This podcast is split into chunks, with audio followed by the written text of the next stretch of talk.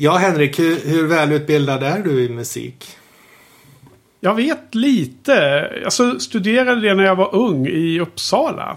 Ja, i Uppsala? Då måste du känna igen det här då.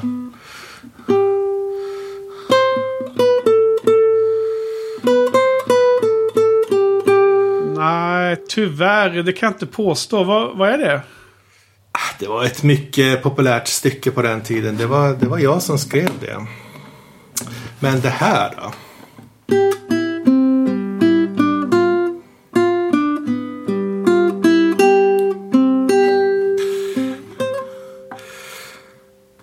Det gjorde succé på nationerna.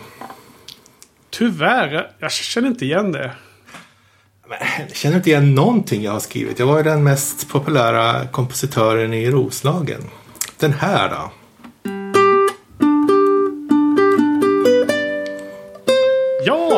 Känner igen. Charmant. Du, du, du.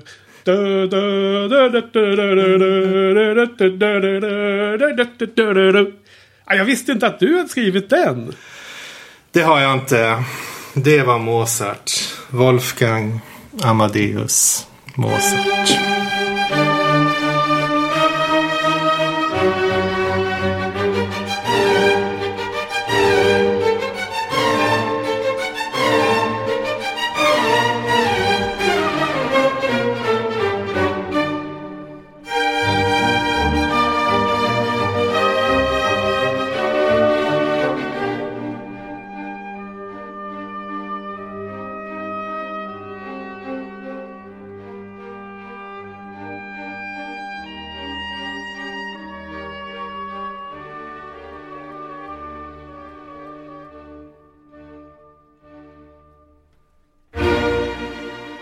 Välkommen till Rapporter från Apokalypsen 19 med Henke och Frans.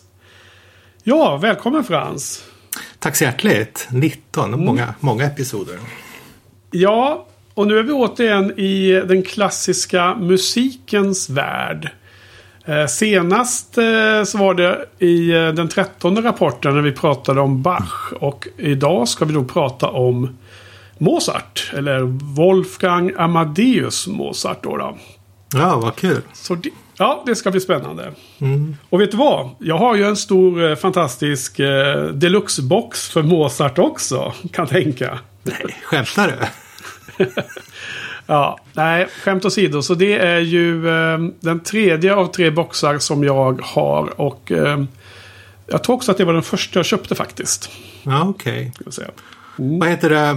Vi pratade ju om Bach förra veckan. Har, har du lyssnat någonting på musiken vi pratade om? Nu? Ja, precis. Eh, absolut. Jag har lyssnat, inte på allt i hela boxen. För den, var ju, den är ju den allra största av dem. Men eh, jag lyssnar på allting som du lyfte och som du har gått igenom.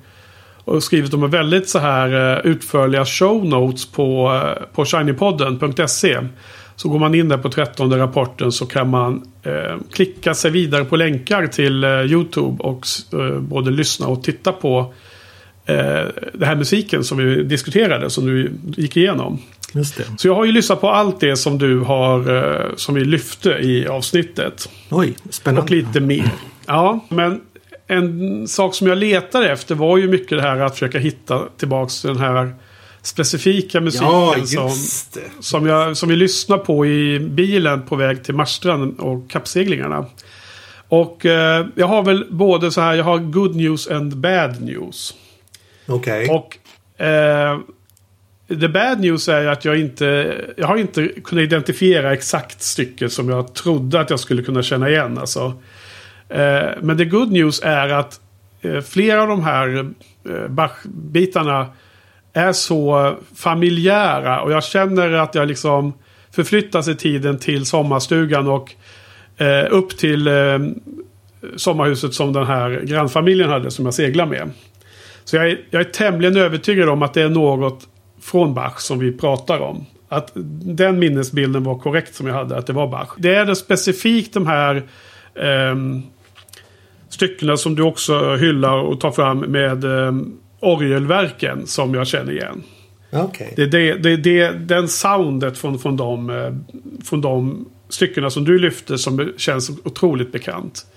Så att jag tror att det är något där men att det eventuellt inte är exakt eh, någon av de eh, så att säga, låtar eller vad man ska kalla det som, som du lyfte. Men att det kan vara på någon CD bredvid eller något sånt där. Just. Så att det, det återstår att leta vidare i, i, i detta eftersökandet. Men jag, det känns ändå som att jag har ringat in det ordentligt. Ah, okay. Och eh, vad jag då tyckte om det här är ju att eh, ja, alltså det är jättebra. Eh, det är väldigt annorlunda än Beethoven. Att lyssna på den här klassiska musiken. Jag behöver vara i en speciell uh, state of mind. Jag behöver ha en, en speciell mental mottaglighet för det. Um, och har man suttit och lyssnat exempelvis på någon av de här Matteus-passionen eller något sånt där. Då, då kan vi bli väldigt sugen på att lyssna på modern musik efteråt. Så jag, jag uppnått mättnings, mättnadsgrad ibland. Um, det jag gillar mest är nog eh, orgelmusiken skulle jag säga. Ja. Eh, de här kyrkliga mässorna är jag inte så här super eh, förtjust i ännu. Jag tror att det kan vara lite att man får eh, lära sig dem och vänja sig med dem bättre. Men precis som det bästa populärmusiken så, så är det ju skivor som man gillar mest nu kanske man inte var helt eh, förtjust i för, vid första lyssningen. Utan det kräver en lång inlyssning. För att de ska riktigt vara långvariga. Jag tror att eh, eh, det är ett radioskval som man, man, man, tycker är catchy på första lyssningen. är också så att man, man blir trött på efter fem lyssningar. Sen, sen finns det ju andra delar här som man har hört väldigt många gånger. Brandenburgkonserter och olika eh, kända stycken från, från eh, det du har tagit med här. Fugor och eh, Goldberg-variationer har jag hört och så va. Ja. Eh, vad heter det? Och det finns eh, mycket av det här som är i slutet av det du gick igenom. Som är lite mer eh, alltså violinkonserter, dubbelkonserter och så vidare. Eh, cellosviter som är väldigt fina och väldigt bra. Eh, men, i, men, det, men det som på något sätt hänger sig kvar är det här... Eh, ska säga... Jag, när man lyssnar ganska mycket på Bach i, i, intensivt så här nu då. Sen de här veckorna tillbaka sen vi spelade in Beethoven-programmet. Eh, man blir ju inte förvånad över att sådana här gitarrvirtuoser är typ elgitarrister som ska visa hur snabbt de kan spela i skalor upp och ner. Och vi, vi, vi jämför det med Yngve Malmsten. Det, det är liksom inte så överraskande därför att det är väldigt mycket skalor upp och ner hela tiden. Ja. Det är det musiken är. Och jag förstår som matematiker kan det vara väldigt fascinerande att förstå logiken bakom. Men jag, men jag tycker också att det på något sätt Eh, jag vet inte. Eh, jag tror att höjdpunkterna är extremt starka från Bach. Men det känns som att totala mängden musik så kanske jag mer lutar åt Beethoven. Om man ska mm. säga. Efter, efter lika lång genomlyssning av, av varav en hel del är för första gången. Ja. Eh, så, så lite, lite kluven så. Alltså, jag, jag tror att eh, det kan vara, bli för mycket av det här. Det, det, är så jäkla många skivor också. Så att uh, det, det, det, känns fortfarande lite overwhelming i mitt huvud. Att uh, ta sig an den här boxen. Uh, sista kommentarerna om Bach innan vi går in på dagens. För vi har ju ett helt ny kompositör att prata om idag med Mozart. Men jag skulle bara lyfta de här. Du har länkat till tre stycken kantator i show notes. Just det. Och jag tänker då Eh, jag har haft nog. Ich habe genug. Eh, trevlig. Eh, generellt sett så om man tittar på, på YouTube-länkarna som du har gjort så får man ju både se musiken och lyssna på den. Och det förhöjer oftast nöjet tycker jag. Ja. Eh, och där är det trevligt att se sångaren där. Eh, han har någon djup röst och så vidare. Sen nummer två är det ju bara musik och ingen, inga bilder. Så att den hoppar vi. Men sen har vi den här mest intressanta som heter Vignykte Ru. Eh, Beliebte Seelenlust. Eh, jag, jag har inte läst tyska för övrigt så ursäkta mitt uttal. Där är det ju en man som sjunger med en eh, otroligt lustig eh, röst. Ljus, ljus röst. Alltså det låter ju exakt som en kvinna. Och eh, när man tittar på de bilderna så ser det ut som att det är en dirigent som står och spelar. Och sen så är det en kvinna som sjunger någonstans och hon syns aldrig i bild. Det är som att hon, de har gömt henne någonstans i eh, kulisserna. Eventuellt för att på den här tiden kanske inte kvinnor fick vara i kyrkan eller något sånt där, tänker jag. Tills jag helt plötsligt ser att dirigenten sjunger ju. Han sjunger ju med. Han sjunger med exakt eh, kvinnans eh, sång. Jag tyckte att det var lite udda med en dirigent som står och sjunger med på det sättet. Det har jag aldrig sett förut. Tills jag helt plötsligt började inse att vänta nu, det är kanske är han som sjunger detta. Eh, så att jag måste, jag måste tipsa om den här. gå in på trettonde rapporten från Apokalypsen och titta på den tredje kantatan som du har länkat till. mycket lustigt. Och det är tydligen någon countertenor som heter Tim Mead. Just är det någon kändis eller?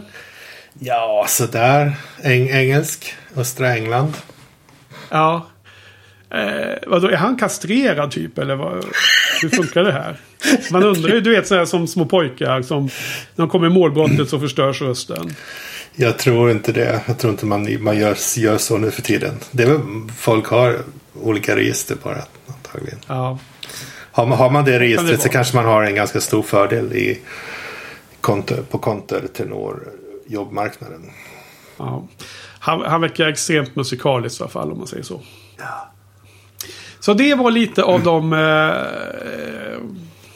upplevelserna och tankarna runt att ha lyssnat på Bach i, i gjort en så här snabb eh, Bach-lektion. Lektion.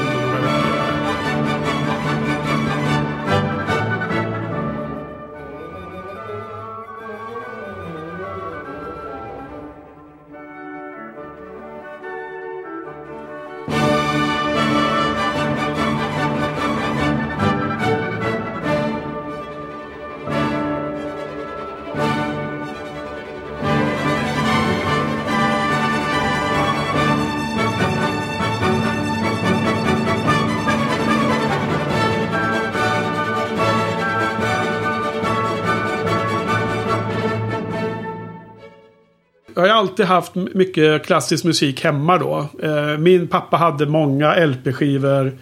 Från eh, de här Deutsche Grammophon med den här ikoniska gula etiketten på LP-skivorna. Som för övrigt jag har ärvt nu då. Som står här ute i, i vinylhyllan.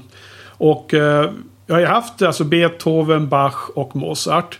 Och det är i eh, mängd så är det i den ordningen. Mest Beethoven, näst mest Bach och minst Mozart. Då, då. Okay. Uh, och uh, uh, Så jag har liksom alltid varit haft liksom en lutning åt de här tre. sen då så har jag inte varit så... jag har inte lyssnat så mycket med, på Mozart tills man såg den här filmen Amadeus då, då någon gång. Om det var på 80-talet eller vad det är. Och den är ju fantastisk och där får man ju någon slags best of. Och, och, och tillsammans i filmen med handlingen och hur de klipper och den här mäktiga musiken och den bra musiken. Det är ju en fantastisk reklam för Mozart så att säga. Ja, visst. Men, men eh, sen när de här boxarna dök upp eh, så var ju Mozart den första jag köpte.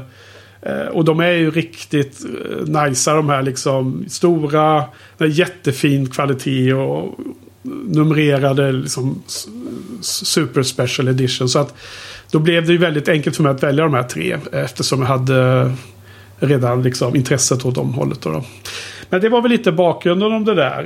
Um, Hur tung är Mozart-boxen jämfört med Bach och Beethoven? Den är... Uh, den är uh, lite mindre än Beethoven och mycket mindre än Bach då. Okej, okay. är mindre än Beethoven? Den innehåller... Vad sa du? Den är mindre än Beethoven alltså? Ja, alltså de är, de är gjorda lite annorlunda så att den här är lite mer ekonomiskt eh, byggd. Alltså det är, det är exakt 200 CD-skivor i den och eh, de är eh, fördelade i fyra stycken kuber som ligger i botten på lådan och sen ovanpå som ett lager ovanpå ligger de här två fina eh, inbundna böckerna. En om Mozart och hans liv och en om den andra boken om Mozart och hans musik. Och sen är det lite olika prints och det här liksom eh, det här bladet där, där man ser vilken eh, numreringen då på limited edition och så här, som är väldigt fint gjort. Och det är något, något tryck och sådana saker. Och sen i den här har man också en sån liten bok. Eh, där alla, alla, alla, alla, alla verk är liksom numrerade i något som heter The K-book. Man hade väl BVV för Bach och så. Här, här har de en numrering som börjar med K av någon anledning. Just det. På Bach, Bach var det ju Bach-verkförteckning. Här är det Köchel-Verzeichnis. Alltså det var en person som heter Köchel som eh, gjorde en förteckning, uppteckning över alla Mozarts verk. Ja. Och här har man en ny version av den. Exclusive to this edition. Då. Eh, och då, då ska jag göra reklam direkt att om ni går in på shinypodden.se och går fram här till 19 rapporten så har jag länkat till eh, YouTube-video med dels en trailer för boxen. Dels en eh, 8-9 minuter lång eh, liten video där projektledaren går igenom vad som finns i boxen. Okej. Och sen då eh, också väldigt kul en sån unboxing-video från den officiella hemsidan. En, en två, tre minuter lång där de öppnar en låda och går igenom allt och visar. Så då får man ju se hur det ser ut. Så det är svårt kanske för mig att beskriva här nu då, muntligen bara. Men eh, för de som eh, gillar fina utgåvor kan säkert förstå varför jag blev fascinerad av det här och varför jag ville köpa den. Ehm, har du sett den där filmen Amadeus för övrigt? ja, självklart. Jo, men jag vet ju det Frans. Jag måste ju bara fråga här för lyssnarnas skull. Annars Alltså- är det ju inte det lika väl. Det sett det Eh. många, många, många, många gånger. Ja, men ska vi riva av det plåstret direkt då? Hur, hur är det? Hur, hur ställer du dig till om den beskriver Mozart korrekt eller inte? Har, har man någon aning om det eller? Ingen aning. Det finns en massa artefakter bevarade, alltså brev som han har skrivit till sin syster mycket och även brev som han har skrivit till sin far. Och det finns ju Konstans, hans hustru, som, som överlevde honom i många, många år. Som har hennes eh, beskrivelser av de- deras liv och så. Så att man har tagit några, några av de här historierna och, och vävt en, eh, en, en slags biografi kring dem. Jag vet inte om den är, om den är, om det, huruvida den är rättvisande. Menar, det, det som är behållningen i den filmen för mig det är alla fantastiska beskrivningar av hans musik. Av, alla- av Salieri ja. Ja, precis. De här, ja, vi kommer komma in på det. Och, jag menar, alla, det finns mycket humoristiska scener också som ja. kanske är mer eller mindre sanningsenliga. Men, men alltså den beskriver ju Mozarts extremt eländiga, tragiska liv på ett väldigt lättsamt, glätt, glättigt sätt. Ja, nej, men det är intressant att höra din, eh, din tagning av det där. För att, eh, för att jag tror att många med mig har ju upptäckt Mozart via filmen ju trots allt. Om man säger så.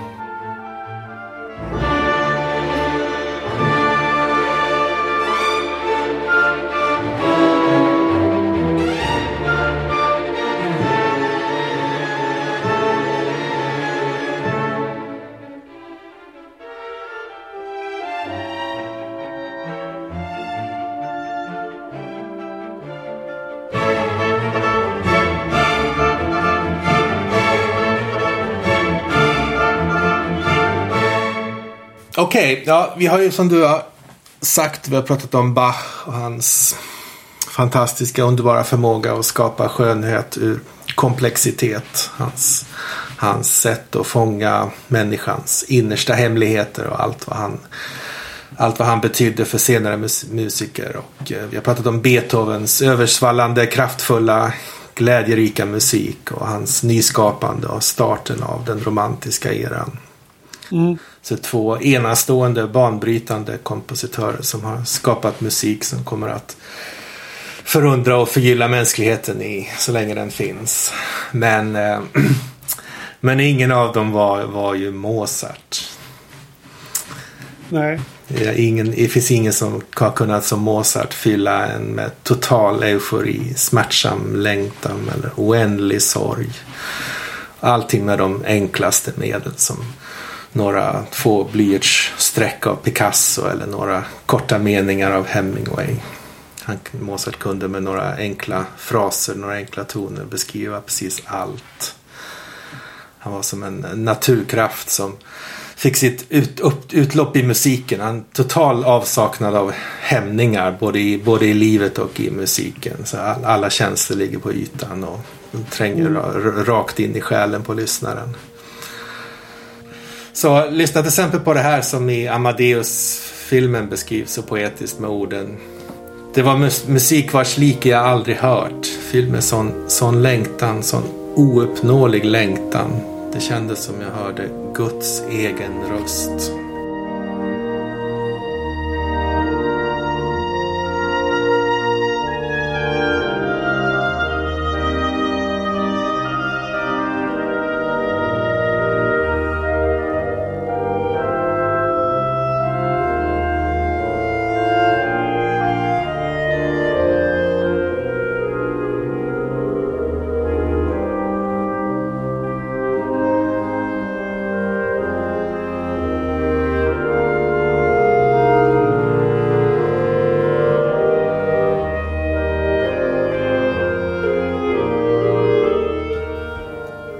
Eller lyssna på smärtan, de långsamma tårarna i inledningen till andra satsen av den 23 pianokonserten.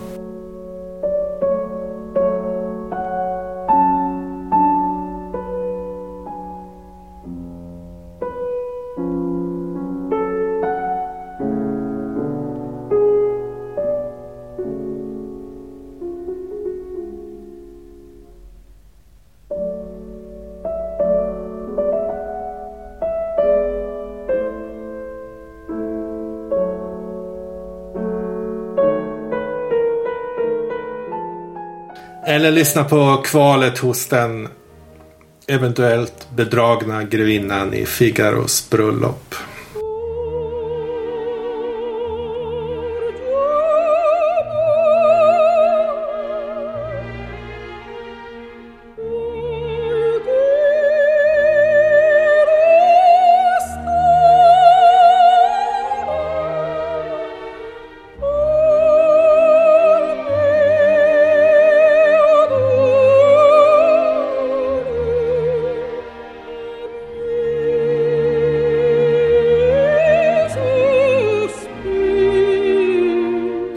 För att inte tala om den ondskefullt ödesmättade stämningen i inledningen på den 40 symfonin.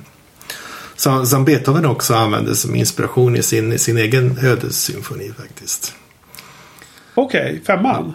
Ja, precis. Man har hittat eh, Beethoven hade skrivit ner delar av Mozarts 40 symfoni i samband med att han skrev den femte. Och det finns referenser till den symfonin i slutet av den femte symfonin också. Oh, nice! Nice koppling. Låt oss lyssna på detta.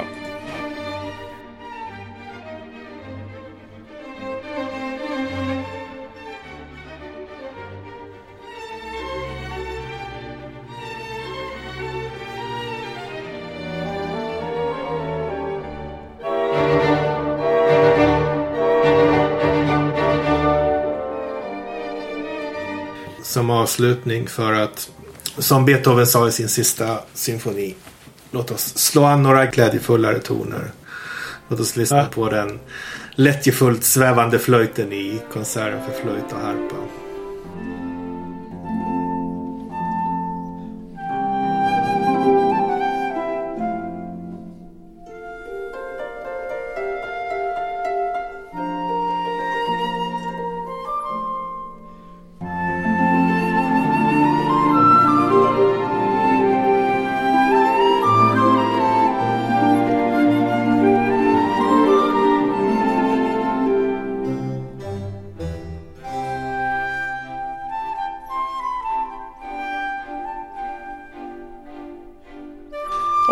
Oj Frans. Nu blir jag nästan gråtfärdig. ja, jag också. Ja. jag tänkte just säga det att det här liksom, det, är inte, det är inte musik man kan lyssna på när man pendlar till jobbet direkt. Det finner man sig strax i, i depån på, på kvällen med, i total himmelsk frånvaro med ansiktet full av tårar. Ja. Eh, Totalt ju... upps, uppslukande musik som, som spelar inte bara på instrumenten utan på ens eget innersta. Ja, och um, får mig att säga att Amadeus är något av... Uh, han är något av Mozart för den klassiska musiken. Eller hur? Det är ju han som är the Mozart av classical music. okay. Säger man inte att uh, man refererar folk som är bäst? Uh, he is the Mozart av uh, downhill skiing eller He's the Mozart of chess eller något sånt där. Bristen på ansträngning, det är det som gör att man är the Mozart av någonting.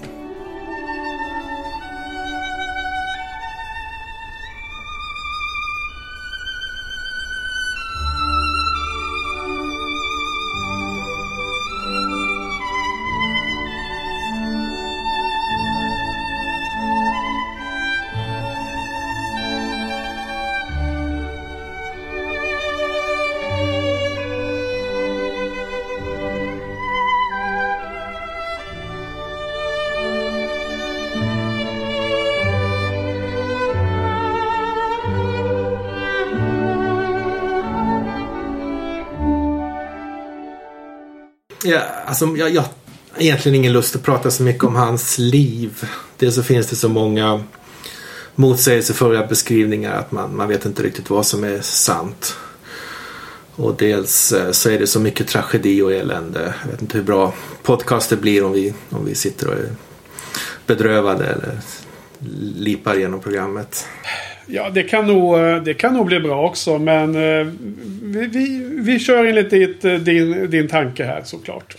Ja, precis. Vi fokuserar på musiken. Men om man är intresserad av att utforska hans liv så skulle jag rekommendera den underbara podcasten BBC Composer of the Week. Som har många, många avsnitt om olika aspekter av Mozarts liv. Så de, de, de producerar en, en podcast varje vecka där de pratar om någon, någon, någon vinkel på någon kompositörs liv. Men det, det som, man, som man måste i alla fall gå igenom är att han som barn då så uppfostrades han av sin far som ett slags musikaliskt underbarn och han forslades genom Europa för att visa sig upp på diverse hov och andra sammanhang. Och det var långa resor under usla förhållanden och den unge Wolfgang var väldigt ofta sjuk. Han dog ju också mycket, väldigt ung, 35 år. Så det, det är mycket, mycket möjligt att de här strapatserna i barndomen bidrog till hans vacklande hälsa. Det finns i alla fall en, en anekdot som, som, jag, som jag vill berätta, som är en av de mest kända.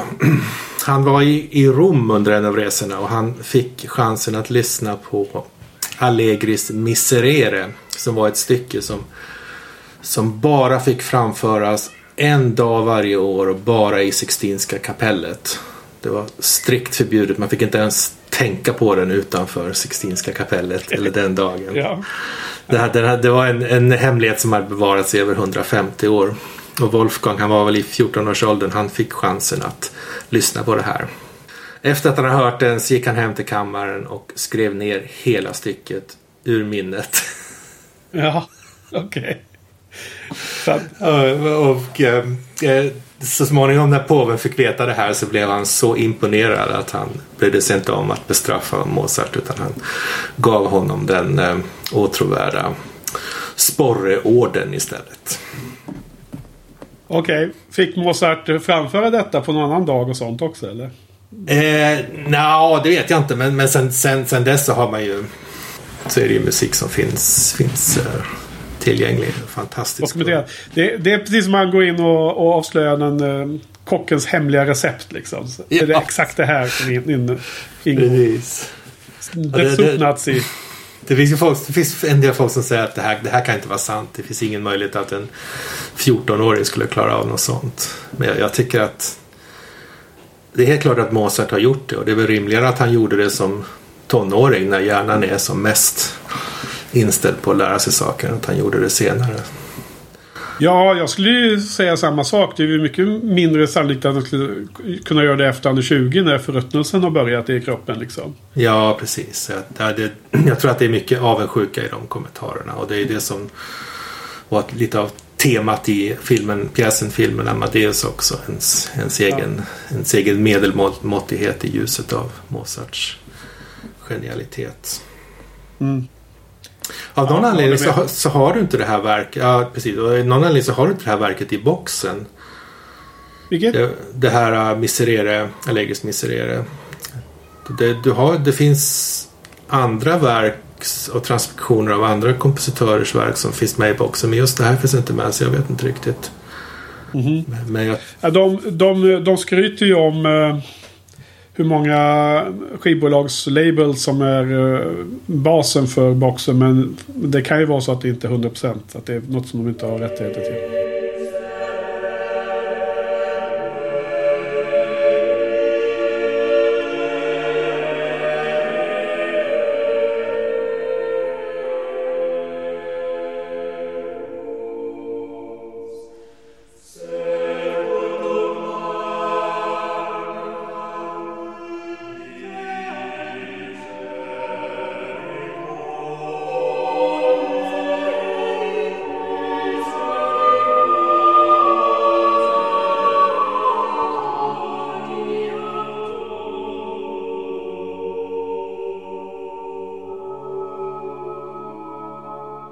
Okej, okay, ja det här är ju musik som inte är min favorit direkt. Men, eh, men eh, jag förstår att det, att det är vackert och så. Men jag tycker att sådana här gammeldags musik när man står och sjunger i kyrkan. Eh, det är sån här munkmusik. Låter väldigt...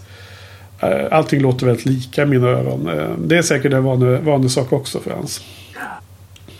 Ja, ja. När, när kommer den musiken ifrån? Den är äldre gissar jag. Ja, precis. Det är ju renässansen. Så vad, vad pratar vi om? 1500-tal? Ja, eller vad? tidigt, tidigt 1600-tal, 1500-tal, ja precis. Ja. Men eh, det finns alltså i boxen några icke, saker som Mozart inte har gjort utan som Mozart har jobbat med på andra. Liksom typ ja, covers, jag, tyck, eller? jag tyckte det fanns det. Alltså bearbetningar ja. av Händels verk av Händel och Vivaldi och sådär. Ja, okej. Okay. Jag såg det i alla fall.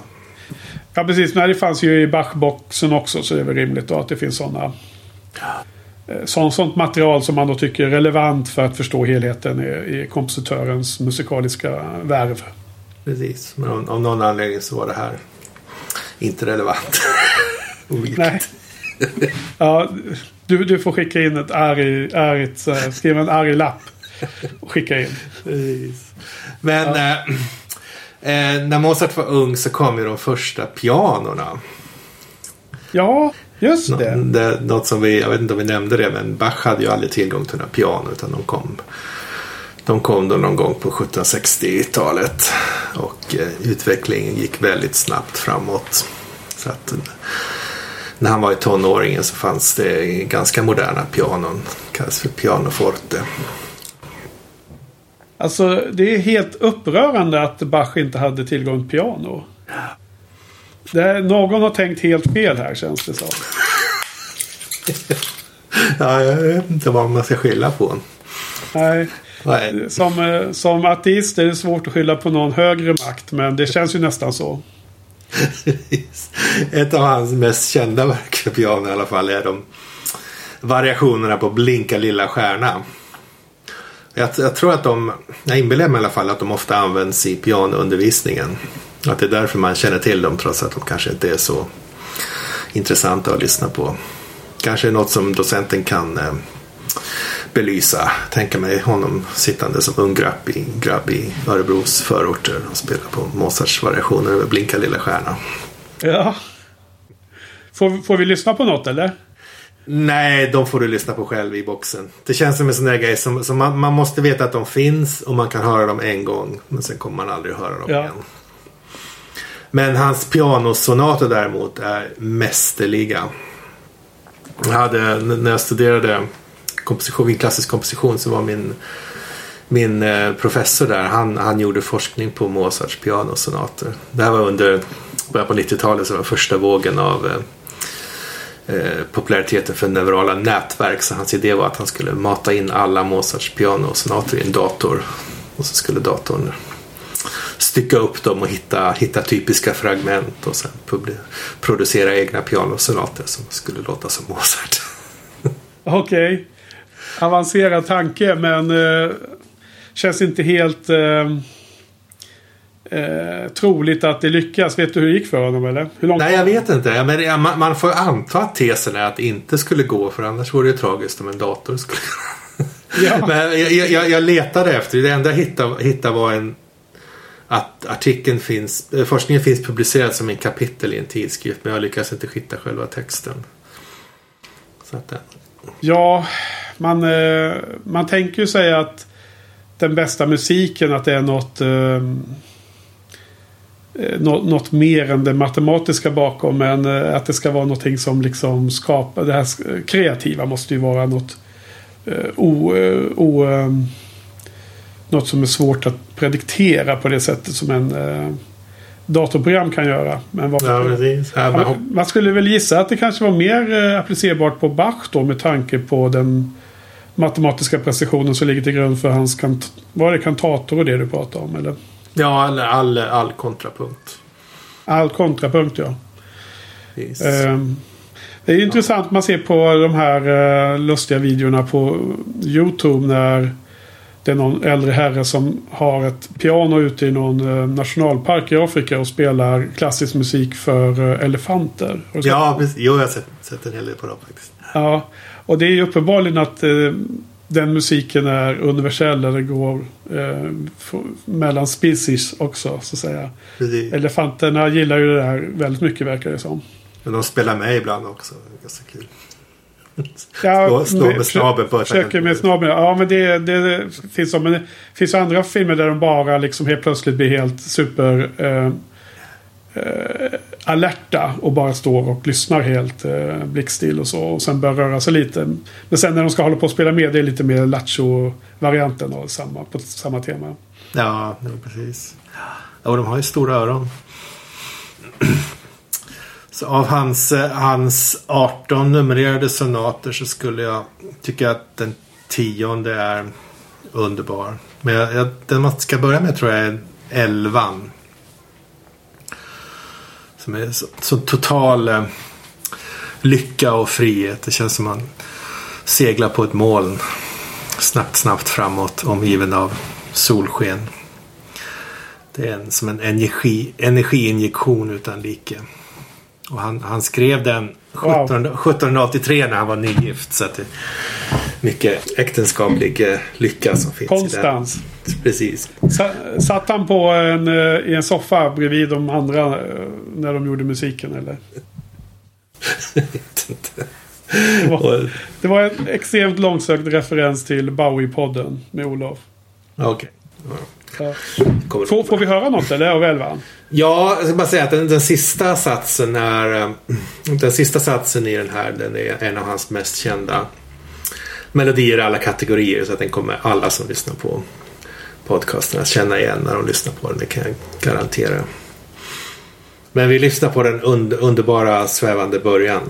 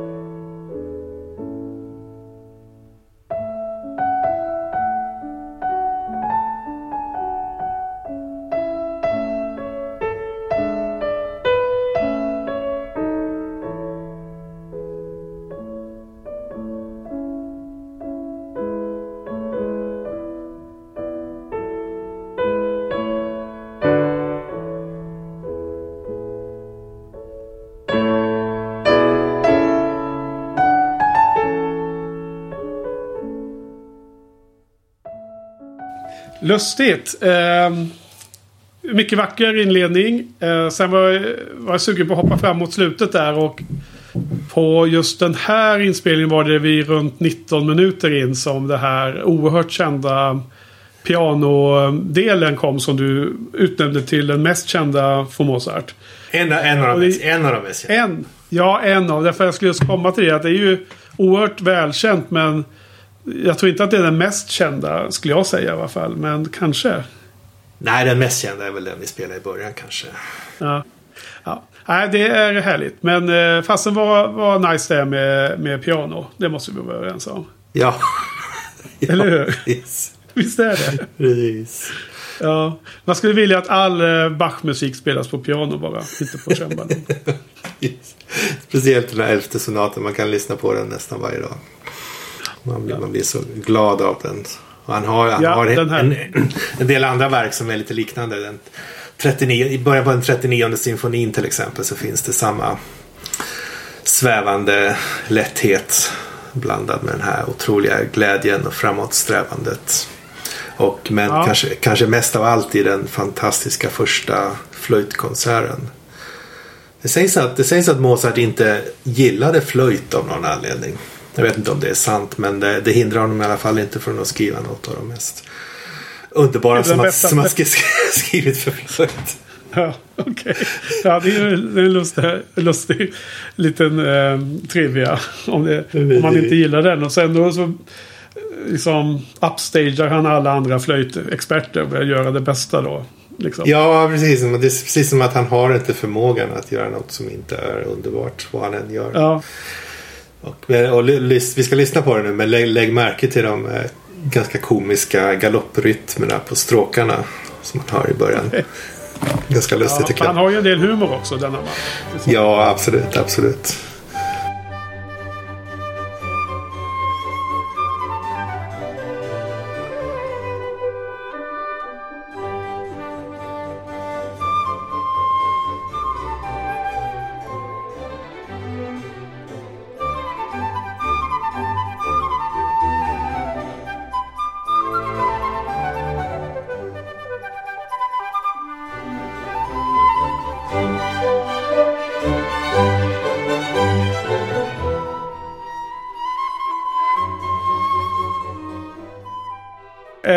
Men det var ju trevligt. Eh, jag blir inte lika berörd eller eh, begeistrad eller eh, gråtfärdig. Det, det, var, det var trevligt. Det, Ja, det är väl min, min, min omedelbara reaktion. Lycka, man får, man får sö- söka efter ögonblicken av lycka i Mozarts liv. Det här, det här skrev han eh, 1778 som eh, 22-åring i Mannheim. Där han eh, var förälskad i stora systern till Konstans som senare skulle bli hans livs kärlek. Och samma, samma, Alltså innan han gifte sig. ja, det här var långt innan han gifte sig. Fem, fem år innan han gifte sig. Ja, Okej, jag kommer inte ihåg timelinen där. Just det. Att han, han uppvaktade han- stora systern Han börjar med stora syster. Och så slutar, så eh, slutar han med lilla syster. Precis. Ja. precis. Han, han skrev också den eh, sprudlande 17 violinsonaten vid den här tiden. Det var lyckliga dagar. Han, han visste inte att han bara hade 13 år kvar att leva. Han visste Nej. inte att han senare samma sommar skulle resa till Paris med sin mor i total fattighet och leta efter jobb. Och bli avsnobbad och att hans mor skulle dö på deras rum utsvulten och utfrusen.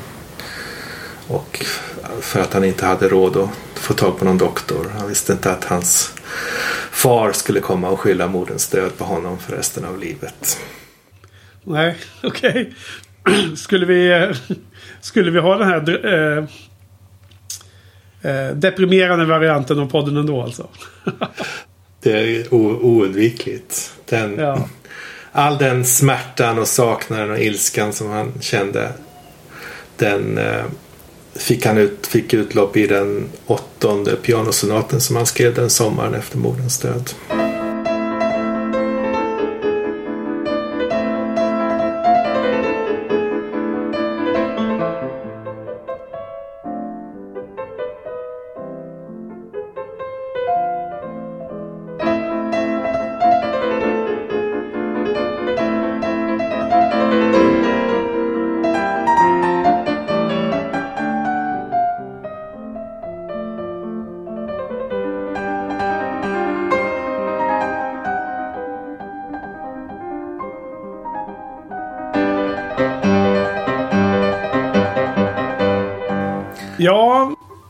Okej. Eh, Intressant Frans. Eh, Du nämner sorgen. Jag, jag hör mer eh, ilska i det här faktiskt. Ja, precis. Men det är en slags vredesfull smärta tycker jag. Ja.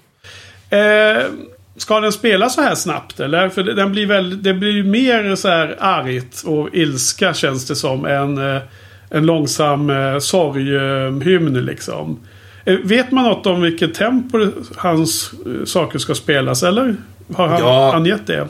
Ja, det har han ju angett. Så att, jag tänker mig att det är den här omedelbara.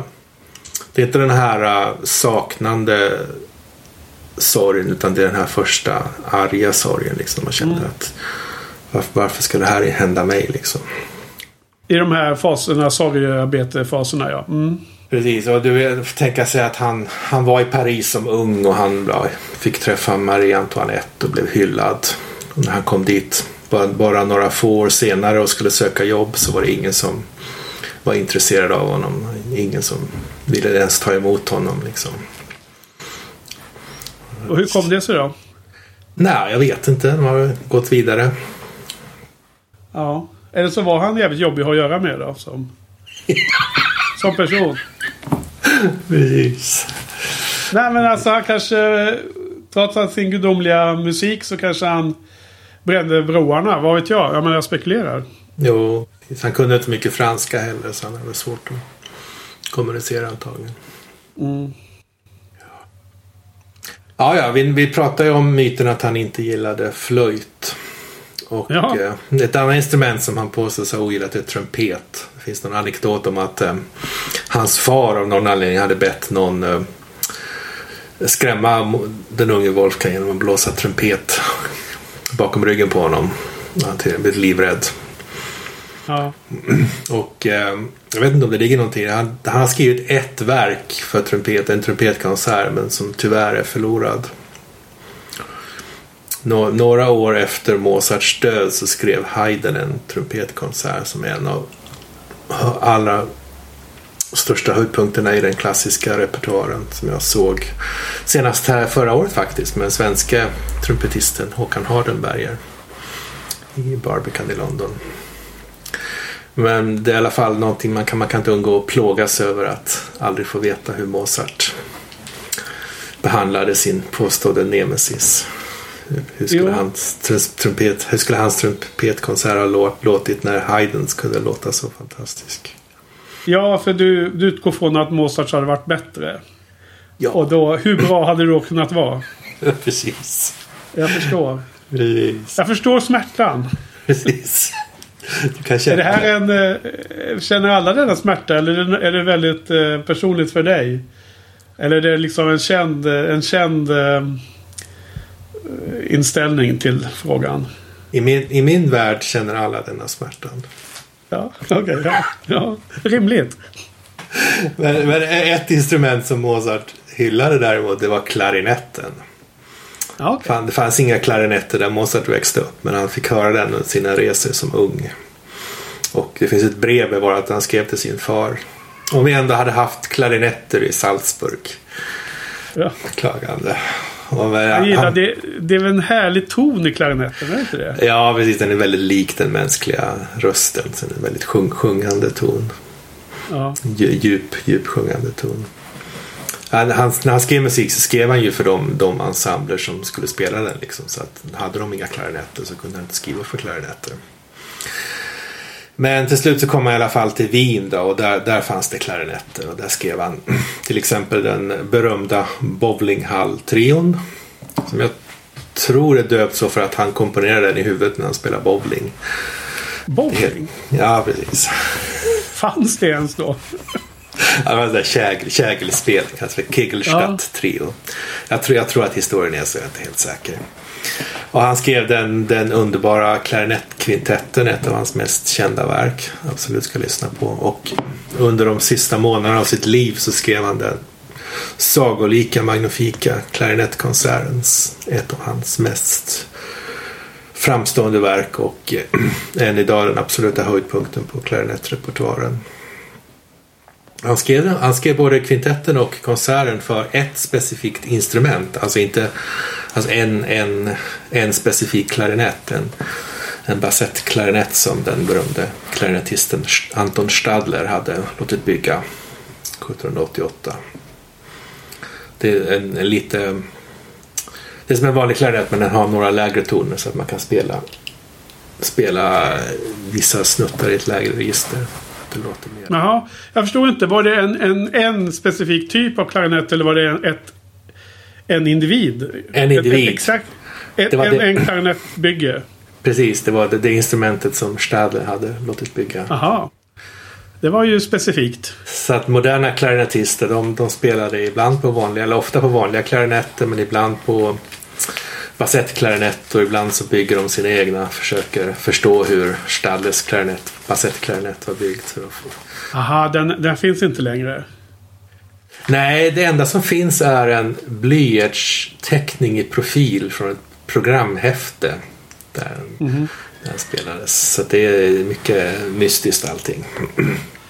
Det får mig lite att tänka på det här du pratade om Bach där som spelar på fem eller sexsträngad cello också. Femsträngad cell, ja precis. Att det är lite olika där och hur man framför samma stycken på olika instrument. Ja, precis, precis.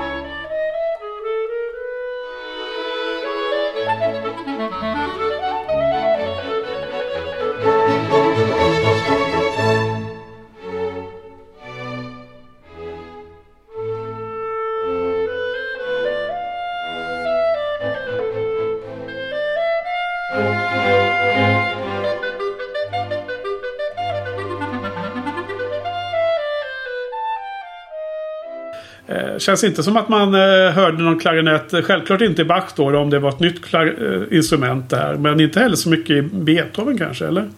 Inte som soloinstrument men de finns ju i, i, eh, i blåssektionen såklart. I hans Ja. orkesterinstrument.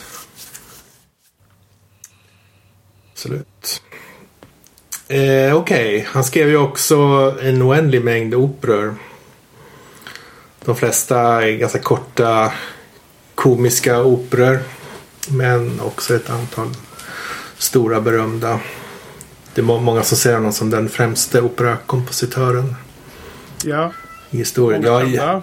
precis, jag, alltså, jag, jag själv är inte så bevandrad i genren. Jag, jag gillar, gillar arier och sådär, va- vackra, vackra delar av operor. Men eh, jag har en hel del Mozart-arier på mina spellistor, det måste jag erkänna.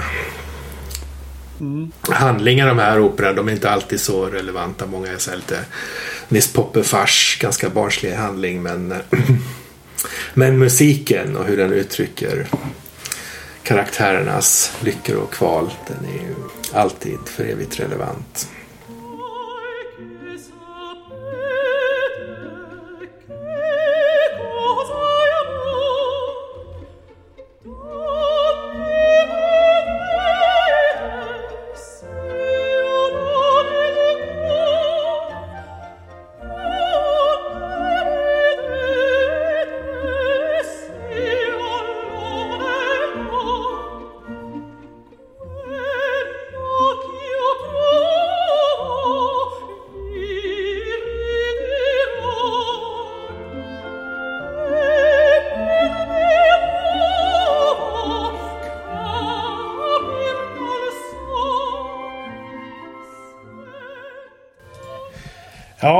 Opera är ju vackert ibland. Eh, det är nog, eh, det är nog nästa steg för mig att eh, bli van med och verkligen kunna njuta av. Jag har inte lyssnat speciellt mycket på opera. Ehm, undantaget är ju den här härliga CD-skivan som du har satt ihop med blandning av operastycken som är perfekt att spela på helgerna på morgonen när man eh, har klivit upp ur sängen och ska göra frukost och lite så här komma igång med dagen. Förutom det sista biten från Mahlers fjärde symfoni som du Nej, alltid stör. jag, hade tänkt, jag hade tänkt att inte nämna att det finns en bit som jag har lite svårt med. Men det, det tyvärr är det ganska tidigt på den CD-skivan. Vilket gör att när jag använder den som så här uppväckning. eh, Vad heter det om man sätter på Eh, som en klockradio fast man har CDn i. Då, då kommer den ganska tidigt då innan man hin- hunnit vakna till liv. Och då, då blir det ganska abrupt tillvaknande. Men det är ungefär låt fyra ungefär. Jag kommer inte ihåg vilken det är. Usch då. Eh, Ja. Jag tror inte att det är Mahler. Men eh, ja, jag har sett opera någon gång. Eh, Vi, såg, Bohème vi, har- såg, vi såg Bohème i New York. Ja, jag skulle nämna det. Den har jag av någon himla anledning sett fler gånger. Det är inte för att jag har sökt upp dem eh, på det sättet utan det har bara varit det som har passat. Och vi var och såg på The, The Mets va? Eller Metropolitan där var det väl va? Precis. Och då fick vi ju bara ta den som gick där. Eh, Vi var där ju, jul, nyår något år. Det var länge sedan. Precis. Vi stod i kö nere i källaren där för att få överblivna biljetter. Det var ju så det hände. Men vi, vi satt ändå ganska bra för mig. Ja, visst. Jo, vi fick bra biljetter. Precis, jag tror att vi, eh, vi köpte såna här eh, återlämnade säsongsbiljetter. Så vi satt ganska långt fram. Mm. Ehm, just det. Och, och sen har jag sett La Bohème ute i en trädgård i Rom med en kompis. Som var som en, eh, en villa, du vet, med en innergård. Oj. Eh, och så var det en liten, liten ensemble och två sångare eller något liknande. Eller ett fåtal sångare. Så det var inte hela uppsättningen. Men, och så utställda pinnstolar. Och det var ju det var nästan ännu mer mäktigt. Underbar himmel och de här träden i italienska trädgården liksom. Wow. Eh, mycket, mycket häftigt. Eh, så att jag kan förstå charmen med opera. Men jag tror att det gör sin rätta ännu mer när man ser det live. Eh, Ja, ja, absolut. absolut. Hur är det? Var alla hans operor skriven på italienska eller? Sången? Var det så? Nej, alltså, traditionen var att skriva på italienska. Han skrev ju också på... Han använde också tyska, tyska texter i en del av sina operor. Ja, okej.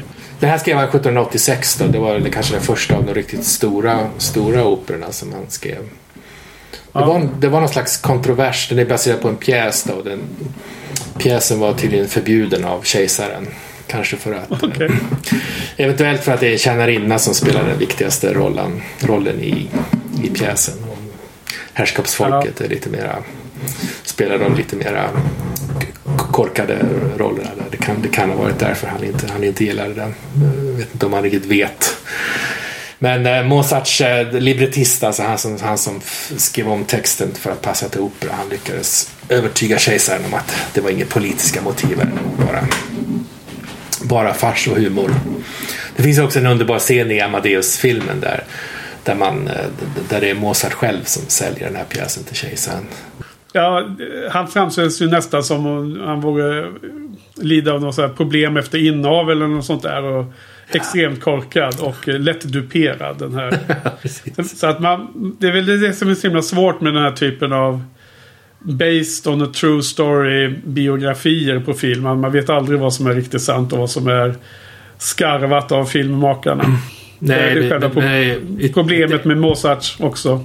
Det är som beskrivning av honom också. Ja, precis. Och det här är ett av exemplen på hur man i den här filmen har tagit, eller pjäsen här har tagit liksom någon episod ur hans liv och eh, fantiserat kring det. Det är extremt bra gjort. Det är ju väldigt, väldigt rolig scen. Men det är inte, Ja. kanske inte så troligt att det var just så det gick till. Men några av de härligaste arierna är det vi redan har hört. Porgy Amor som vi hörde i början och Wojciech Sapete som vi hörde nu. Och så finns det en som heter Devieni, non, non tardar, kom då. Dra inte benen efter dig. Och så finns ju också duetten Solaria som är väldigt, väldigt känd från filmens värld. Även om en av, huvud, även om huvud, en av huvudpersonerna i filmen tolkar det som att de grälar med varandra. I själva verket är det tjänarinnan och grevinnan som planerar en plott för att sätta dit den lösaktiga greven.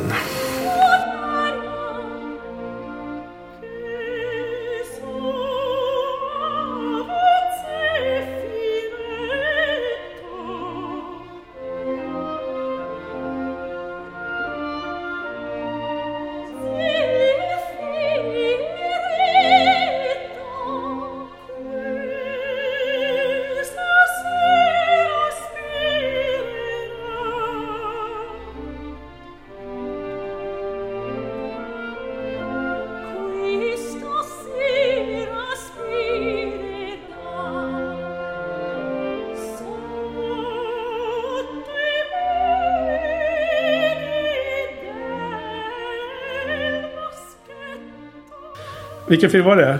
Det, den, den filmen som har högst betyg tror jag på IMDB av alla filmer i världshistorien. Jaha. Vilken är det då? Shawshank Redemption. Tim, Tim Robbins Jaha, ja, den, har karaktär. ju, den, den har jag sett i alla fall. Men jag kommer inte ihåg någon scen där några lyssnar på den här musiken. Han, Tim Robbins karaktär låser ju in sig i biblioteket på fängelset och sätter på den här um, skivan och kopplar till uh, PA-systemet så att alla som är ute på, i hela fängelset hör den på full blast. Okej. Ah, Alltså det var så extremt länge sedan jag såg den här filmen. Jag jag har aldrig riktigt förstått att, eh, att den har så himla höga ratings. Eh, Den är bra alltså. den är bra, okej. Ja. Kanske ska se om den någon gång då, men... Ah, Den, den, ja, det har den, varit en för, förvåning. den scenen, det, det lilla, lilla upproret som, som han gör där. Det är en un- underbar scen. Ja, det är härligt. Ja, men den, andra operan som man bör känna till tycker jag det är Trollflöjten. Mer, mer, jag tror det var mer ett sångspel än en opera. Det var liksom de, de pratade mellan, mellan eh, sångnumren och sådär. Men idag så ja, flyter definitionerna ihop. Man kallar det för en opera. Ja, His, historien är som en, som en eh, fantasy faktiskt. Det är en, en ung man som blir förälskad i en kvinna på ett porträtt. Och han söker upp hennes mor för att få träffa henne. Men modern berättar att hon är, dottern har blivit tillfångatagen av en ond präst.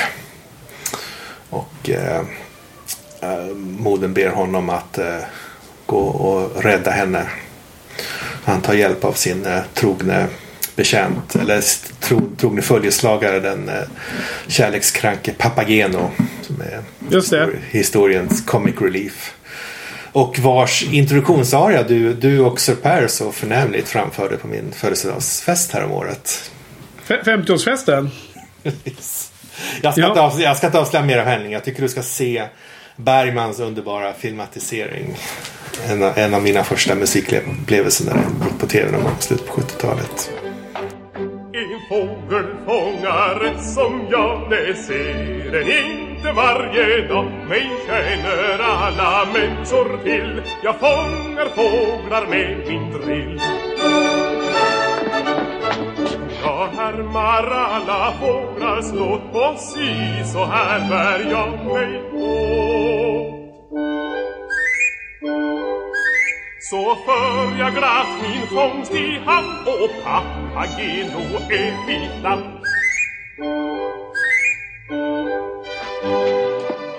Ja, vad lustigt. Ja, du säger han är eh, eh, comic relief. Det, det, Hagegård där ser ut som eh, Samwise Gam, eh, Gamge heter han va? I, Eh, Sam i Sagan om ringen, du vet.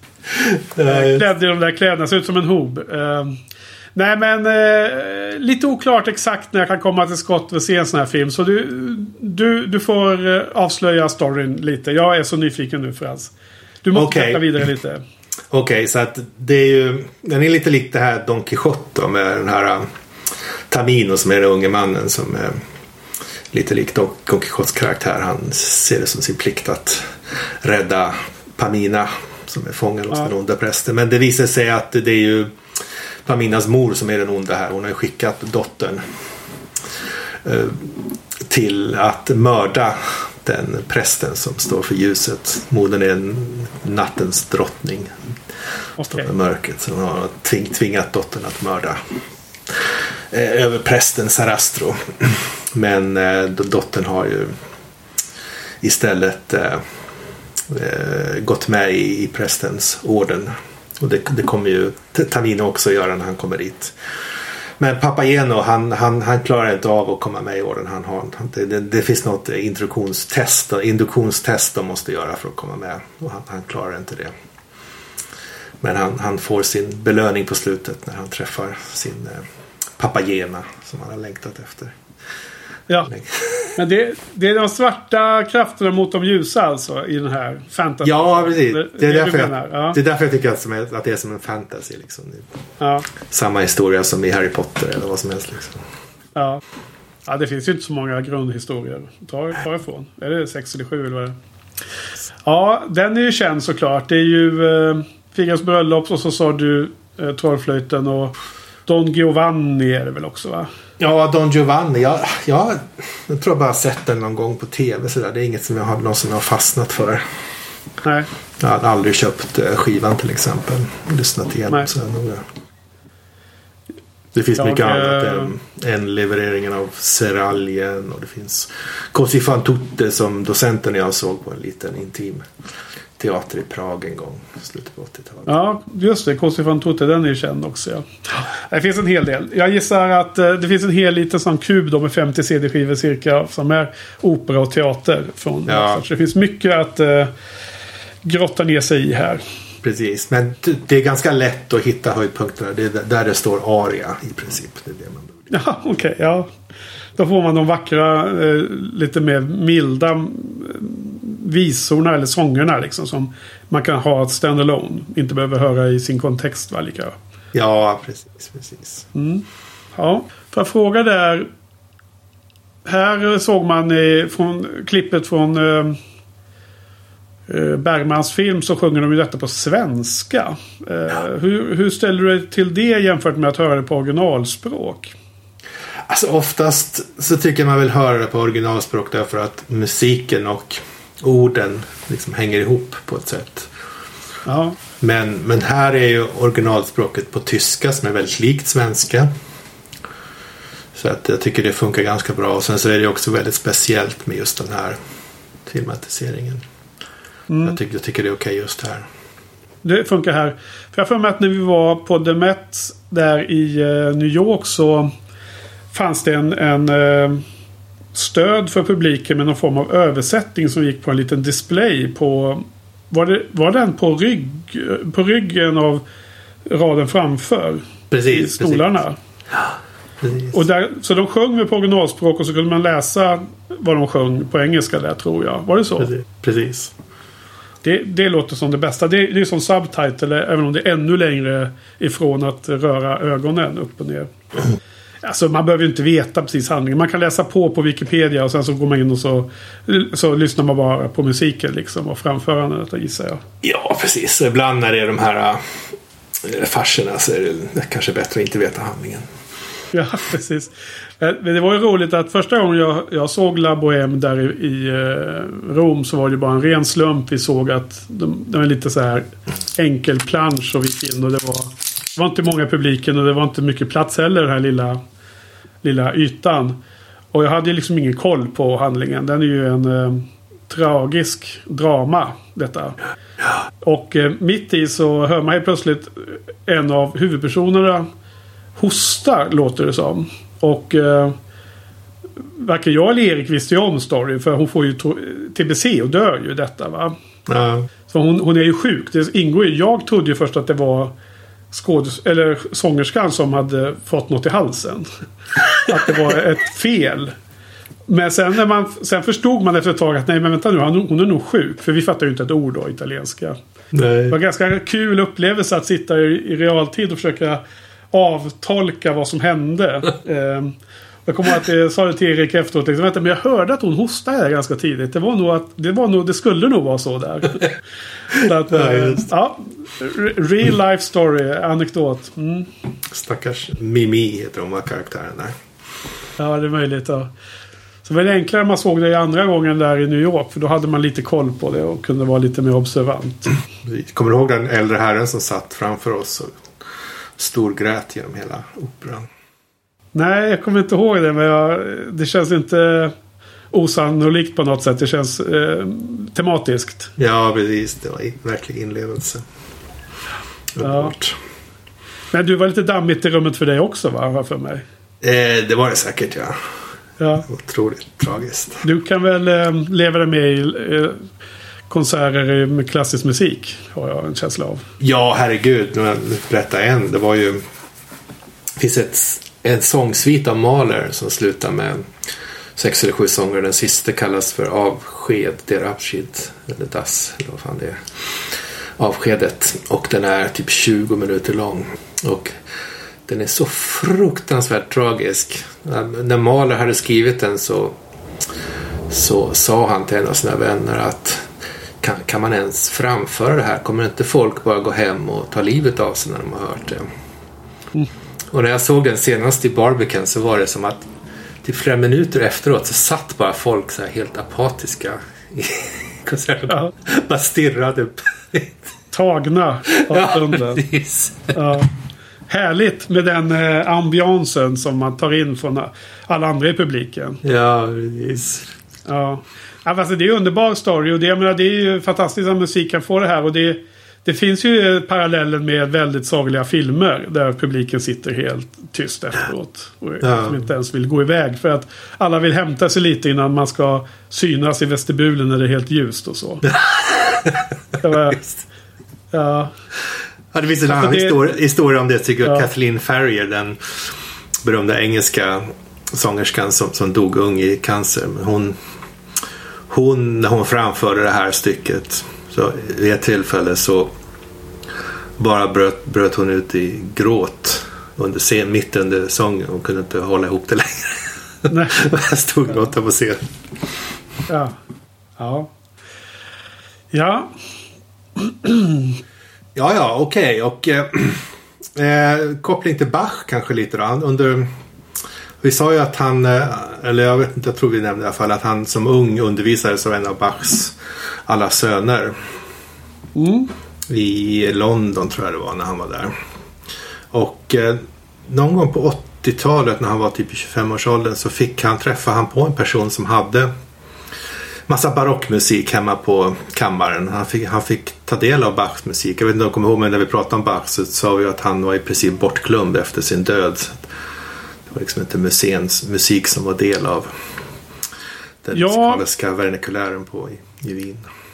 jag kommer ihåg det. Jag kommer också ihåg att det var svårt att få tag på noter och så. För de var typ eh, handskrivna eller väldigt dyrbara. och eh, Kopior liksom. Så att det måste ha varit någon som hade eh, ekonomiska medel då. Som kunde ha eh, noter från en okänd eh, Ja, ja jag vet inte. Jag, jag, kan, kompositör. Jag har inte läst, uh, satt mig in i historien i mer detalj. Nej. Men jag, jag vet att han, han var hos den här personen och kunde studera Bachs musik. Och han skrev en del kontrapunkt också. Det mest eh, kända är väl såklart eh, Rekvet. Han skrev eh, några mässor, till exempel mässan i C-moll. Som han började skriva på precis när han var nygift. Men han blev aldrig, aldrig klar med det. Jag tror inte att det, det, det går kanske inte att kombinera äktenskaplig lycka med det allvaret som krävs för att skriva en tung, tung mässa. Men, Ja, inte om man har känslorna på utsidan av huden så går det nog inte i alla fall. Nej, precis. Men av någon anledning så spel, finns de delar som han han skriva klart, de, de spelas ganska ofta. Så man bör i alla fall känna till dess existens. Då. Och, hans, Och, och, och den, den är jättedålig då eller? Eller? Nej, Nej. vacker. Ja, men Ja, pass, var- säkert, var- eh, s- passar säkert till... eh, Ja, det var ett skämt. Okej. Ja. Precis. Var Go- Goldfinger, allt han rör vid blir till Ja. guld. Men det passar säkert så att lyssna på till någon pasta tillredning. Okej. Mm. Men hans sista, sista symfoni, den, den som brukar numreras som nummer 41. I sista satsen där så flödade också av eh, kontrapunkt.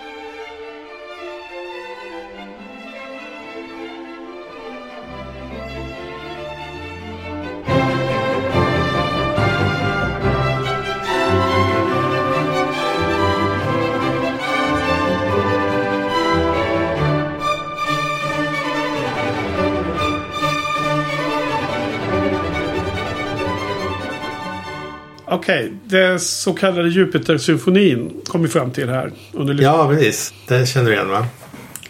ja, jag tror jag känner igen den. Jag tror i alla fall att jag har den på LP, så jag har nog hört den, ja. Igen från pappas samling. Han skrev ju ganska många symfonier om man jämför med Att andra kompositörer som oftast dog när de har skrivit nio. Han skrev Ja, precis. 40, 41 som är numrerade och så skrev han väl ett antal tidiga som är onumrerade. Men av någon anledning så har de numrerat dem i din box som med nummer över 41. Det kanske finns någon sån konvention som jag inte känner till. Ja. Men det är i alla fall de 41 första som är hans, hans eh, stora symfonier. Och eh, av alla dessa så skulle jag kanske rekommendera att börja med den eh, vildsinta 25an skriven under en period av Sturm und Drang, känslosvall i ungdomen. Och eh, sen alla från typ 33 och uppåt 40 och 41 har vi lyssnat på fragment av i podcasten redan. Mm. Bara välja och vraka där i princip om man, om man gillar dem. Gillar de första så kan man ta sig vidare sen. ja. De är nog antagligen ganska värda att lyssna på. Skulle. Absolut, absolut. Och framförallt live. De används ju oftast som... När när man går på en livekonsert så är det oftast typ ett huvudnummer som är efter pausen. Och sen innan pausen så kanske det är något kortare stycke. Ibland något modernt stycke av någon ny kompositör eller någon kortare svit eller någonting. Och sen så är det oftast någon typ en Mozart-symfoni eller någonting som liksom känner till att lyfta upp publiken inför pausen och inför det stora numret på slutet. Då. Just det. Det, Det vara- det, det, är musiken som är efter pausen som är själva huvudnumret i alla fall. Precis, och det kan vara väldigt, väldigt eh, härligt att lyssna på de här Mozart-symfonierna i, den, i det sammanhanget. Precis, för de, de är inte eh, lika långa som Beethovens symfonier. Nej, jag tror att de är väl oftast typ 20 minuter sådär. Några kanske är lite längre. Ja. Han skrev också konserter för alla möjliga soloinstrument. Vi har lyssnat på flöjt och flöjt och harpa. Och så vidare. Och han skrev Klarinett. till en klarinett, ja precis. Han skrev till och med en konsert för ett fagott. Det här Ja. extrema basinstrumentet som oftast används som, som komp bara. Han skrev en hel solokonsert för fagott. Alla, alla, är, alla de här konserterna är underbara. Det är nästan omöjligt att välja. Men om vi ska Ja. börja, börja någonstans då. Så violinkonserterna. Han skrev fem, fem numrerade och precis som symfonierna så tror jag att det finns en hel del onumrerade också som han skrev i sin ungdom. Men det, vänta nu, skulle det inte bara finnas en violinkonsert per kompositör? Ja, det var efter Beethoven. Den hade, Ja. Alltså Mozarts... Det var Beethoven som, som introducerade det här gigantiska formatet där man eh, skrev, spillde hela sitt liv på en, i en enda konsert. Mozart han skrev lite mer så här kortare, en, enklare kammarkonserter. Men jag skulle börja med trean och femman. Femman kallas ibland för den turkiska konserten. Inte för att det finns någon turkisk musik men, därför att han använder ganska exotiska melodier i slutet som man tolkade som eh, dissonanser på den tiden. Och när, man, när det var dissonant musik så kallade man tydligen det för turkisk musik. Aha, g- ganska... Men det, det är inte så här folkmusik som har blandats in? var nej, det Beethoven som hade det ibland, eller hur var det? Ja, precis. Det kommer med den romantiska eran. Jag går ut Ja. på, åka ut på landsbygden och lyssna på folkmusik. Och, och så, så, Utan det var mer ett eh, samlingsnamn för eh, dissonans, sa du? Ja, precis. Det var väl en ren förolämpning. Det fanns väl ganska mycket groll där mellan Habsburg och det Ottomanska riket. Ja, precis.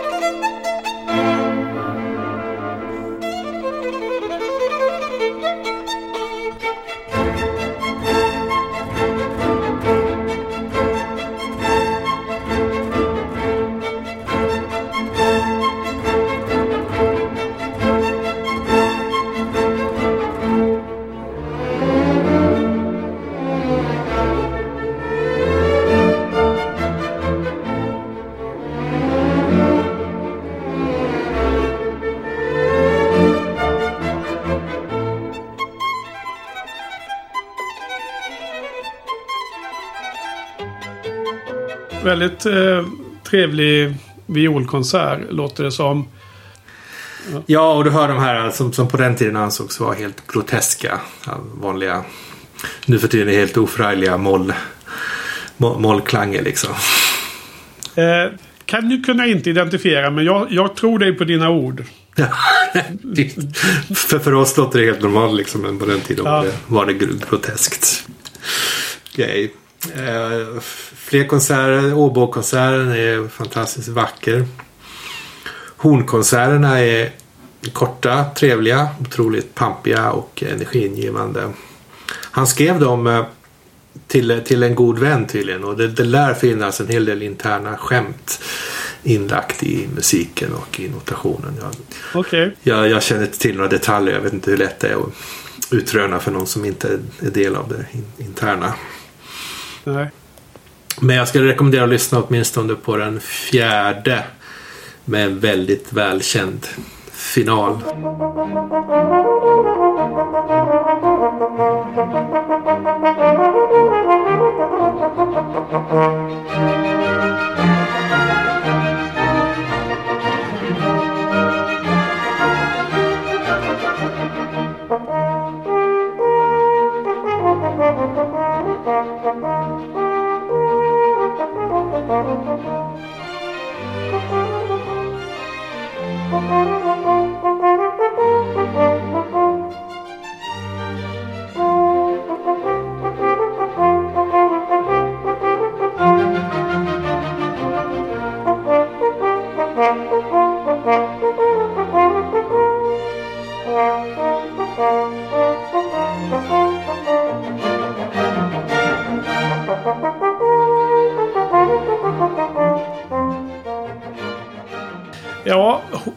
Hornet är ju också väldigt trevligt instrument. Det är väldigt skönt ljud i det. Men eh, jag är rädd Frans att jag inte hade hört just den. Eh, men den kanske är känd bara att jag har missat den då.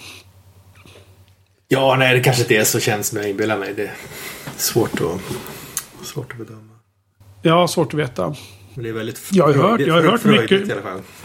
Ja, precis. Och jag har ju hört väldigt mycket av det du har spelat. Så att det är mycket som är välbekant, men inte allt. Ja, eh, som sagt, det är också ett trevligt instrument. Eh, inte lika härligt som klarinetten kanske av dessa blåsinstrument, men, eh, men eh, ändå väldigt eh, mysigt. Ja, ja precis. Väldigt la- lantligt. Används ju också i Beethovens sjätte symfoni. Beskriva Ja, ja, den om beskriva- naturen. Precis, beskriva de här lantliga scenerna. Ja. Okej, men som avslutning så tänkte vi måste ändå prata om eh, hans eh, enastående fantastiska pianokonserter. Ja. Och eh, Eller ska vi skita i dem? ja, vi skiter i dem. Ja, vi skiter i dem. Okej, hej. Nej, fortsätt. Ja, nej. Ja, ja, nej. Ja, jag Tror är att det- väldigt sugen. Piano är ju favoriten ändå. Ja, precis. Jag tror att det finns typ 27 numrerade här. Och Mm. det är de med 20 uppåt som jag tror är inkörsporten. Jag skulle börja med den eh, stormiga 20 konserten som används väldigt effektfullt i filmen Amadeus. Och sen så den magiska 23 som vi redan har hört lite av mittenpartiet på. Följt av den eh, 21 med den ljuvliga mittensatsen som har blivit så berömd för att den användes i en svensk 60-talsfilm. Som jag vet att du har sett. Ja, Elvira Madigan. Elvira Madigan, ja, precis. Ja. Så börja med dem. Om du gillar dem så skulle jag bara klämma av alla med de 20 och upp. Det finns det, det med, till exempel 22 och 24 tror jag många av experterna anser som betydligt viktigare än de jag har pratat om. Jag tycker ändå att de är 20, 21 och 23 det känns för mig mer innerliga och mer i, i linje med hur vi har pratat om Mozart och centrerat hans musik kring hans, hans eh, livskamp. Ja.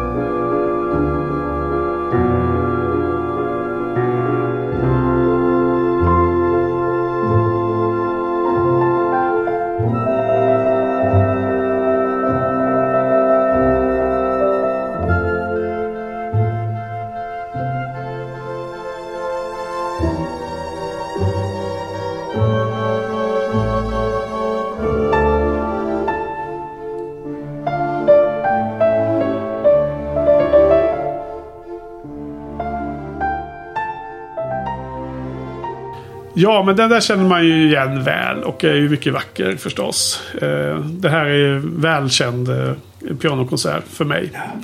Absolut. Härligt. Jättebra. Ja, nej, men så det, var, det var Mozart lite snabbt. Lite snabbt ja, så här. Ja, ja nej men... Eh, jag förstår ju att det finns väldigt mycket att, att sätta sig in i och titta igenom här. Lyssna igenom i boxen. Och, jag hoppas verkligen att i eh, show notes att vi får en, eh, en bra eh, indikation på vilka CD-skivor och så som finns. Om, om det är möjligt att eh, maska fram den infon på något sätt. Absolut, absolut.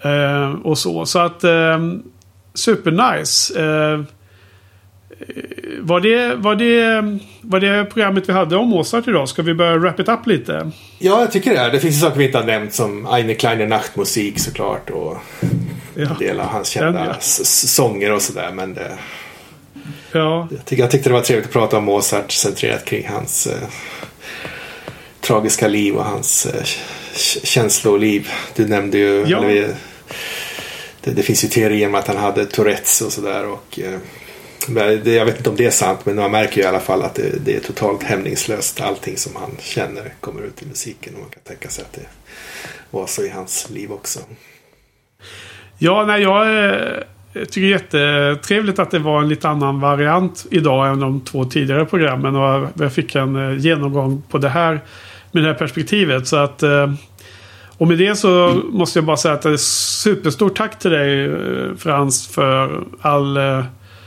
all info och delat med dig av kunskaperna om eh, alla dessa tre egentligen. För nu är det här tredje och sista eh, sån här eh, megabox som vi går igenom och därmed täcker in kompositörernas eh, livsverk. Ju.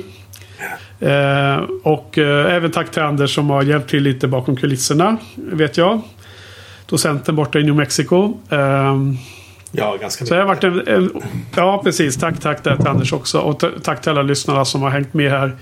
Eh, för mig har det varit eh, jättekul och dessutom li- ovärderlig eh, som form av eh, guidad tour. Eh, analogin var ju att, att ta en sån eh, översikt eh, av någon som kan eh, alla rummen i ett jättestort museum. Var, var vill man gå? Var vill man titta? Liksom att få en, en överblick först, eller liksom en kontext över helheten. Och sen kan man sticka in och, och titta på de delar eller lyssna på de delar man, man är mest intresserad av. Så att det har varit supertrevligt Frans. Stort tack till ditt jobb här. Verkligen. Ehm, och det här är som sagt sista, sista musikorienterade rapporterna vi har Frans. Är det ju. Ja, precis. Eh. Det är ju en av livets tragedier att du inte har köpt fler boxar. Ja, vem vet, vi kanske får eh, köpa nya boxar eller på annat sätt eh, finna anledningar till att fortsätta det här i någon format. Men eh, i närtiden nu så tar ju rapporterna från apokalypsen slut här nu då. då.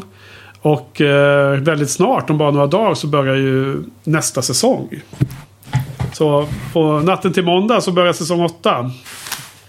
Ehm, ja, och då är det ett helt annat ämne. Men eh, vi får se om rapporten återkommer. Kanske dyker upp i, i flödet. Helt, helt oannonserat någon gång. Vem vet. Eh, en annan sak som jag tänkte wrap it up med lite. Det är att vi, eh, vi prövar oss ju på den här Massacre Theater. En, att, att försöka åter Uh, upprepa en känd scen från en film. uh, för lyssnarnas uh, njutning. Och vi körde den i tre varianter som avslutade som, som, som intro till de, de, de tre olika kända kompositörerna vi har hanterat. Och för de som inte redan har eh, poletten har ramlat ner så vi får väl avslöja det då tycker jag, eller hur Frans? Så här i allra sista sekund i, i podden, eller? Ja, jag måste, jag, jag måste bara få säga att jag kände inte till begreppet Massacre Theater när vi började här. Jag tyckte bara att det var Nej. ett ro, roligt sätt att introducera de här podcasterna. Ja, det var ju din idé och det var ju jättebra idé. Och det är ju det är precis samma som de gör. Det är taget från eh, en väldigt känd eh, filmpodd som heter Filmspotting. Som jag lyssnar på och många med mig och eh, några killar i Chicago som har den. Och där har de ett stående inslag där de tar en känd scen som de eh, eh, talar dialogen med varandra och kanske ändrar lite namn och sånt för att göra det inte helt uppenbart. Och vi har gjort något liknande och det är ju såklart ifrån eh, scenen i filmen Amadeus när Salieri pratar med den här prästen som kommer för att ta hans eh, confession. Och eh, eh, Salieri spelar ju två stycken som är helt okända för prästen. Och sen när han spelar på Mozart så är det ju helt igenkännbart. Och som visar på hela problematiken som hela den filmen bygger på. Den här medelmåttan kontra geniet. Precis. Men så det var ett litet sånt försök. Eh, jag vet inte om det eh, om alla eh, hängde med på att det var från Amadeus när vi har pratat om den här filmen lite idag på podden också. Kanske, kanske inte. Ja, men du, supernice hör du. Ehm, och med det så eh, återstår väl bara att eh, sätta sig ner och börja mata in nya CD-skivor i eh, spelaren och sitta och ta en, eh, ta en liten drink och lyssna på bra musik. Helt enkelt. Precis. För en annan. En, en drink, en rejäl uppsättning näsdukar. Ja, precis. Ja. Och eh, för de som inte har boxarna, eh, gå in och kolla på shinypodden.se så hittar ni avsnitten under rapporterna från apokalypsen. Och där finns det länkar till YouTube och även eh, bilder och eh, ja, filmer från så man kan se hur boxen ser ut och så. Och innehåll och allt vad det är. Okej Frans, har du några avslutande ord till lyssnarna? Till fansen där Eh, ute? nej, om, om det finns några kvar så här långt in i programmet så det bara ett Ja, så här sent på kvällen, stort, ja. stort tack ni har tagit igenom. Ja. Nej, tacket ska gå, gå till dig i första hand. Men då säger vi så då. Och så på återhörande på måndag med ett, en helt ny säsong.